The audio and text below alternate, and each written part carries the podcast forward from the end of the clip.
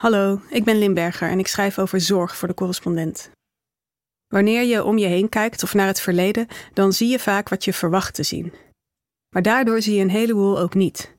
Zoals de mogelijkheid dat prehistorische vrouwen ook joegen en kunst maakten en graag bedpartners veroverden.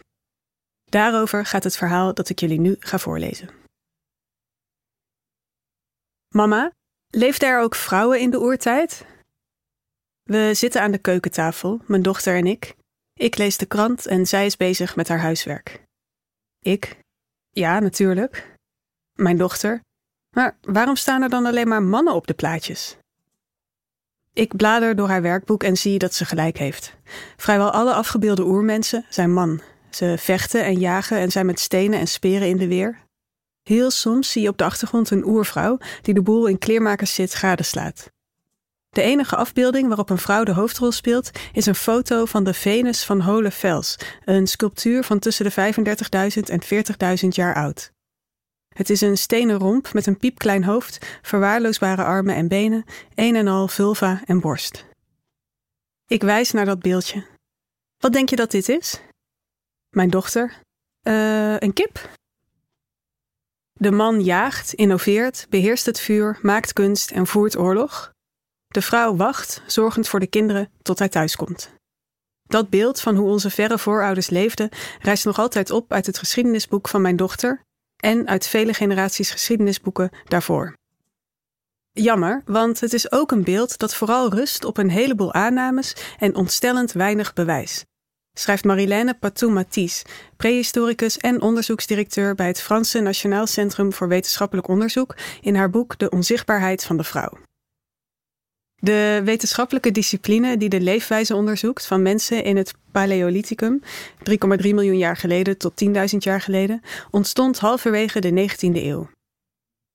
Destijds werd de vrouw in zowel oude religieuze geschriften als in nieuwe medische teksten afgeschilderd als passief, zwak en inferieur, terwijl de man als actief, sterk en superieur te boek stond. Niet alleen werden vrouwen verantwoordelijk gehouden voor de zondeval, ze hadden ook kleinere hersenen en slappere spieren dan de man. Kinderen dragen konden ze en baren en grootbrengen. Al het andere was mannenwerk. De eerste prehistorici, allemaal mannen, want vrouwen studeerden niet, keken naar archeologische vondsten zoals skeletten, werktuigen, beeldjes en godschilderingen en interpreteerden wat ze zagen volgens de heersende ideeën over superieure mannen en ondergeschikte vrouwen. De prehistorie, zo meende zij, werd bevolkt door oorlogszuchtige mannen en passieve vrouwen die hooguit werden gevierd om hun vruchtbaarheid. Maar die projecties zeggen meer over het culturele klimaat van de 19e eeuw dan over de mores van het Paleolithicum. En dat is niet eens zo gek, schrijft Patou Matisse. Het is nu eenmaal behoorlijk lastig om je blik op de werkelijkheid niet te laten kleuren door wat je al weet of meent te weten. Maar het heeft ons wel opgezadeld met een vertekend beeld van de prehistorische vrouw. Um, een kip? Want het archeologische bewijs dat er is, sluit helemaal niet uit, in de woorden van Patou Matisse, dat ook zij de schilderingen van Lassault heeft gemaakt, op bizons heeft gejaagd, werktuigen heeft vervaardigd en aan de basis heeft gestaan van sociale vernieuwingen en vooruitgang. Sinds de jaren 70 doen ook vrouwelijke wetenschappers onderzoek naar de prehistorie. Zij keken naar hetzelfde bewijs, maar zagen andere dingen. Bijvoorbeeld dat vrouwen bij recente jager-verzamelaarssamenlevingen ook meededen aan de jacht. En dat dit in de prehistorie dus ook zo kan zijn geweest. Ze zagen dat zorg, samenwerking en wederzijdse hulp even belangrijk en misschien wel belangrijker waren dan strijd en agressie. En ook, schrijft Patou Matisse, dat er strikt genomen geen oorlogen waren. Deze onderzoekers kregen bijval van nieuwe technieken om archeologische overblijfselen mee te analyseren.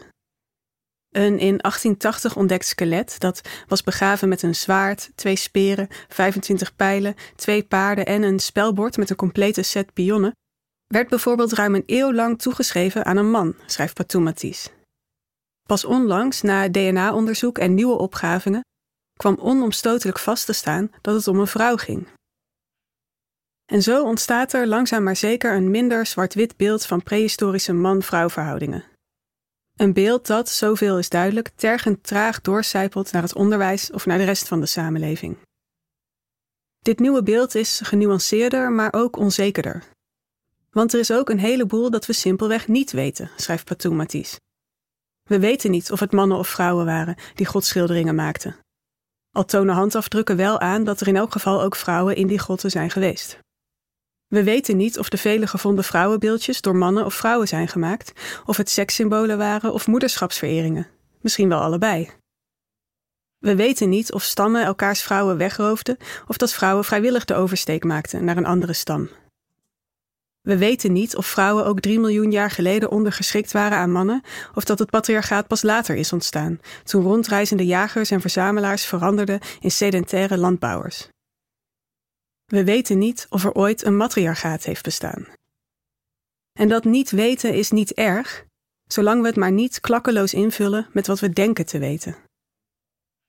De mores van de 19e eeuw hebben niet alleen onze interpretatie van andere tijden beïnvloed, maar ook die van andere soorten. Dat schrijft de Britse zooloog Lucy Cook in haar boek Bitch on the Female of the Species. Darwin formuleerde zijn evolutietheorie namelijk ook in die tijd, en dat is te zien. Mannelijke dieren zijn dominant, druk en promiscu, vrouwelijke dieren zijn passief, kuis en kieskeurig. Seksuele selectie betekende dat mannelijke dieren kosten nog moeite spaarden om hun vrouwelijke soortgenoten te verleiden. En de genetische voordelen die zij daarbij genoten, gaven ze door aan de volgende generatie. De verandering van soorten door de tijd heen was dus vooral te danken aan mannen. Vrouwelijke dieren waren er vooral om de beste partners te kiezen en de nieuwe generatie groot te brengen. Ook wetenschappers na Darwin hielden vast aan deze 19e-eeuwse kijk op de seksen.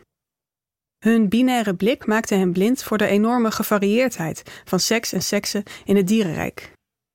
Zo zagen pinjongaai-experts heus wel dat mannelijke gaaien nauwelijks vochten, terwijl de vrouwtjes elkaar naar het leven stonden, maar het kwam niet bij hen op dat die vrouwtjes vochten om te bepalen wie er de baas was.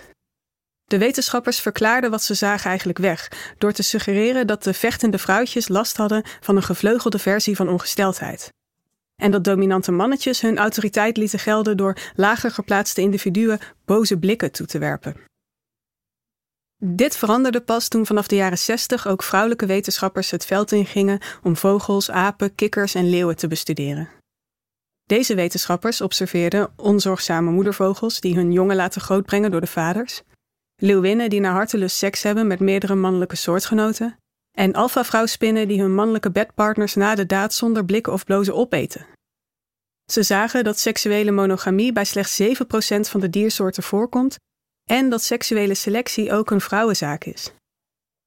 Deze biologen, ornithologen en primatologen schetsten, net als hun vrouwelijke collega's op de geschiedenis- of archeologiefaculteit, een genuanceerder en gevarieerder beeld van de werkelijkheid dan de mannelijke onderzoekers voor hen hadden gedaan. Wel duurde het vaak eindeloos voor hun ideeën werden geaccepteerd door hun mannelijke collega's. Een vrouwelijke ornitholoog die ontdekte dat vrouwelijke roodkeelsialia's met meerdere mannetjes paren en dat één nest dus kuikens van verschillende vaders kan bevatten, kreeg op een conferentie te horen dat die vrouwtjes dan wel verkracht moesten zijn. Geen enkele vrouw zou immers vrijwillig meerdere sekspartners hebben. Een interessante gedachte, behalve dan dat het fysiek onmogelijk is. Mannelijke roodkeelsialia's hebben namelijk geen penis en moeten heel voorzichtig paren. Als je hoefgetrappel hoort, denk dan paarden, niet zebra's, kreeg ik ooit te horen van een docent op de universiteit. Zoek naar de meest waarschijnlijke verklaring van wat je waarneemt, wring je niet in bochten om de verklaring te vinden waar je op hoopt. Zowel Patou Matisse als Cook laten zien hoe moeilijk het is om deze les in de praktijk toe te passen. Maar ze laten ook zien dat het vrouwelijke wetenschappers wel lukte om de data op een andere manier te interpreteren dan hun mannelijke collega's. Zoals dat ook gebeurde in de economie, waar een econoom als Nancy Fulbray haar collega's erop wees dat het klassieke beeld van economische activiteit nogal beperkt was. De onbetaalde zorgarbeid van met name vrouwen was er namelijk niet in meegenomen.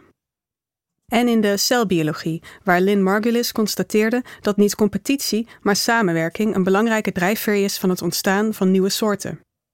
En het gebeurde in de bosecologie, waar ecoloog Suzanne Simard ontdekte dat bomen in een bos niet enkel verwikkeld zijn in een bittere strijd om schaarse grondstoffen en schaars zonlicht. Integendeel, bomen helpen elkaar door ondergronds voedingsstoffen en waarschuwingssignalen uit te wisselen. Enzovoort en zo verder. Zodra wetenschappers diverser worden, wordt onze kijk op de werkelijkheid dat ook. Breder, gevarieerder en, in het geval van Patou Matisse, opener voor interpretatie. Onzekerder dus.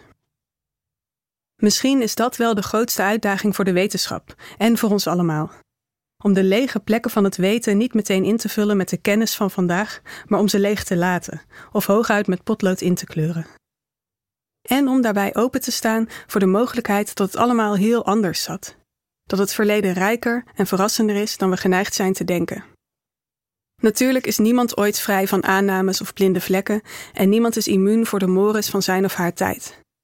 Maar hoe meer verschillende ogen er op de werkelijkheid gericht zijn, hoe breder, rijker en vollediger het beeld dat we ervan hebben.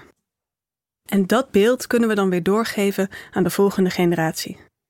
Zodat er ooit een tijd komt waarin meisjes op de basisschool zich niet ontgoocheld hoeven af te vragen of er ook vrouwen bestonden in de oertijd. Het is de missie van de correspondent om voorbij de waan van de dag te gaan. Onze correspondenten voorzien het nieuws van context en schrijven over de grote thema's van deze tijd. De correspondent geeft me de vrijheid om mijn nieuwsgierigheid te volgen en de tijd om verhalen te schrijven. En zo probeer ik onzichtbare structuren zichtbaar te maken en een andere kijk te bieden op debatten die het nieuws domineren. Dan gaat het minder over het spelletje en veel meer over wat er op het spel staat. Vanaf dag 1 zijn onze artikelen, boeken en podcasts gefinancierd door onze leden. Volg ons op onze journalistieke zoektocht. Overweeg eens lid te worden van de correspondent. En maak daarmee samen met ruim 70.000 anderen onze onafhankelijke journalistiek mogelijk. Dus word lid van de correspondent. Ja. Word lid. Word lid.